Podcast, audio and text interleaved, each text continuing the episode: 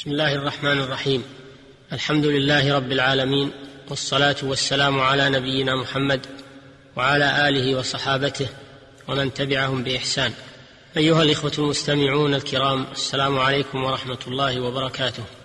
وبعد نواصل الحديث معكم في بيان ما تيسر من أحكام النكاح. وقد ذكرنا في الحلقة السابقة القسم الأول من النساء المحرمات. أي التي يحرم تزوجهن بالنسبة لبعض الأشخاص لاعتبارات خاصة. وها نحن إن شاء الله نذكر في هذه الحلقة القسم الثاني وهو ما كان تحريمه منهن مؤقتا وهو نوعان. نوع يحرم من أجل الجمع فيحرم الجمع بين الأختين لقوله تعالى وأن تجمعوا بين الأختين وكذا يحرم الجمع بين المرأة وعمتها وبين المرأة وخالتها. لقوله صلى الله عليه وسلم لا تجمع بين المرأة وعمتها ولا بين المرأة وخالتها. متفق عليه.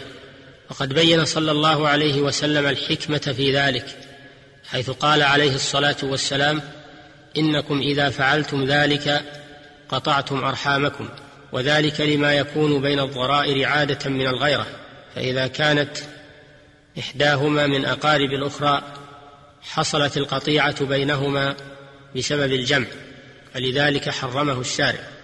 فإذا طلقت المرأة وانتهت عدتها حلت أختها وعمتها وخالتها ممن يحرم جمعها معها لانتفاء المحذور.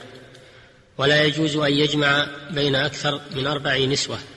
لقوله تعالى فانكحوا ما طاب لكم من النساء مثنى وثلاث ورباع وقد أمر النبي صلى الله عليه وسلم من تحته أكثر من أربع نسوة لما أسلم أن يفارق ما زاد عن أربع. النوع الثاني من المحرمات إلى أمد ما ما تحريمه لعارض يزول فيحرم تزوج المعتدة من الغير ما دامت في العدة. لقوله تعالى ولا تعزموا عقدة النكاح حتى يبلغ الكتاب أجله.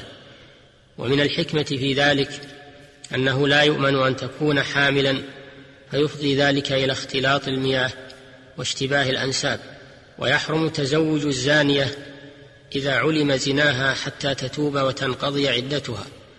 لقوله تعالى والزانية لا ينكحها إلا زان أو مشرك وحرم ذلك على المؤمنين. ويحرم على الرجل أن يتزوج من طلقها ثلاثا حتى يطأها زوج غيره بنكاح صحيح.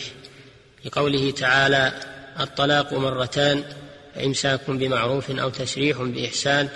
إلى قوله تعالى فإن طلقها فلا تحل له من بعد حتى تنكح زوجا غيره. ويحرم تزوج المحرمة حتى تحل من إحرامها. وكذا لا يجوز للمحرم أن يعقد النكاح على امرأة وهو محرم لقوله صلى الله عليه وسلم لا ينكح المحرم ولا ينكح ولا يخطب. رواه الجماعة إلا البخاري. ولا يحل أن يتزوج كافر امرأة مسلمة. لقوله تعالى ولا تنكح المشركين حتى يؤمنوا. ولا يحل أن يتزوج المسلم امرأة كافرة. لقوله تعالى ولا تنكحوا المشركات حتى يؤمن. وقوله تعالى ولا تمسكوا بعصم الكوافر إلا الحرة الكتابية فيجوز للمسلم أن يتزوجها لقوله تعالى والمحصنات من الذين أوتوا الكتاب من قبلكم. وتكون هذه الآية مخصصة لعموم الآيتين السابقتين في تحريم نكاح الكافرات على المسلمين. وقد أجمع أهل العلم على ذلك. ويحرم على الحر المسلم أن يتزوج الأمة المسلمة لأن ذلك يفضي إلى استرقاق أولاده منها إلا إذا خاف على نفسه من الزنا ولم يقدر على مهر الحرة أو ثمن الأمة فيجوز له حينئذ تزوج الأمة المسلمة لقوله تعالى ومن لم يستطع منكم طولا أن ينكح المحصنات المؤمنات فمما ملكت أيمانكم من فتياتكم المؤمنات. إلى قوله ذلك لمن خشي العنة منكم.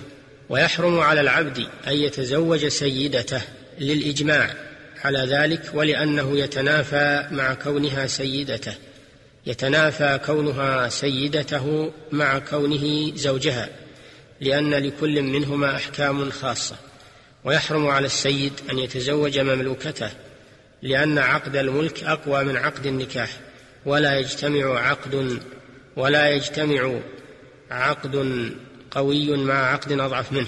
والوطء بملك اليمين حكمه حكم الوطء في العقد فيما سبق من المحرمات إلى أمد.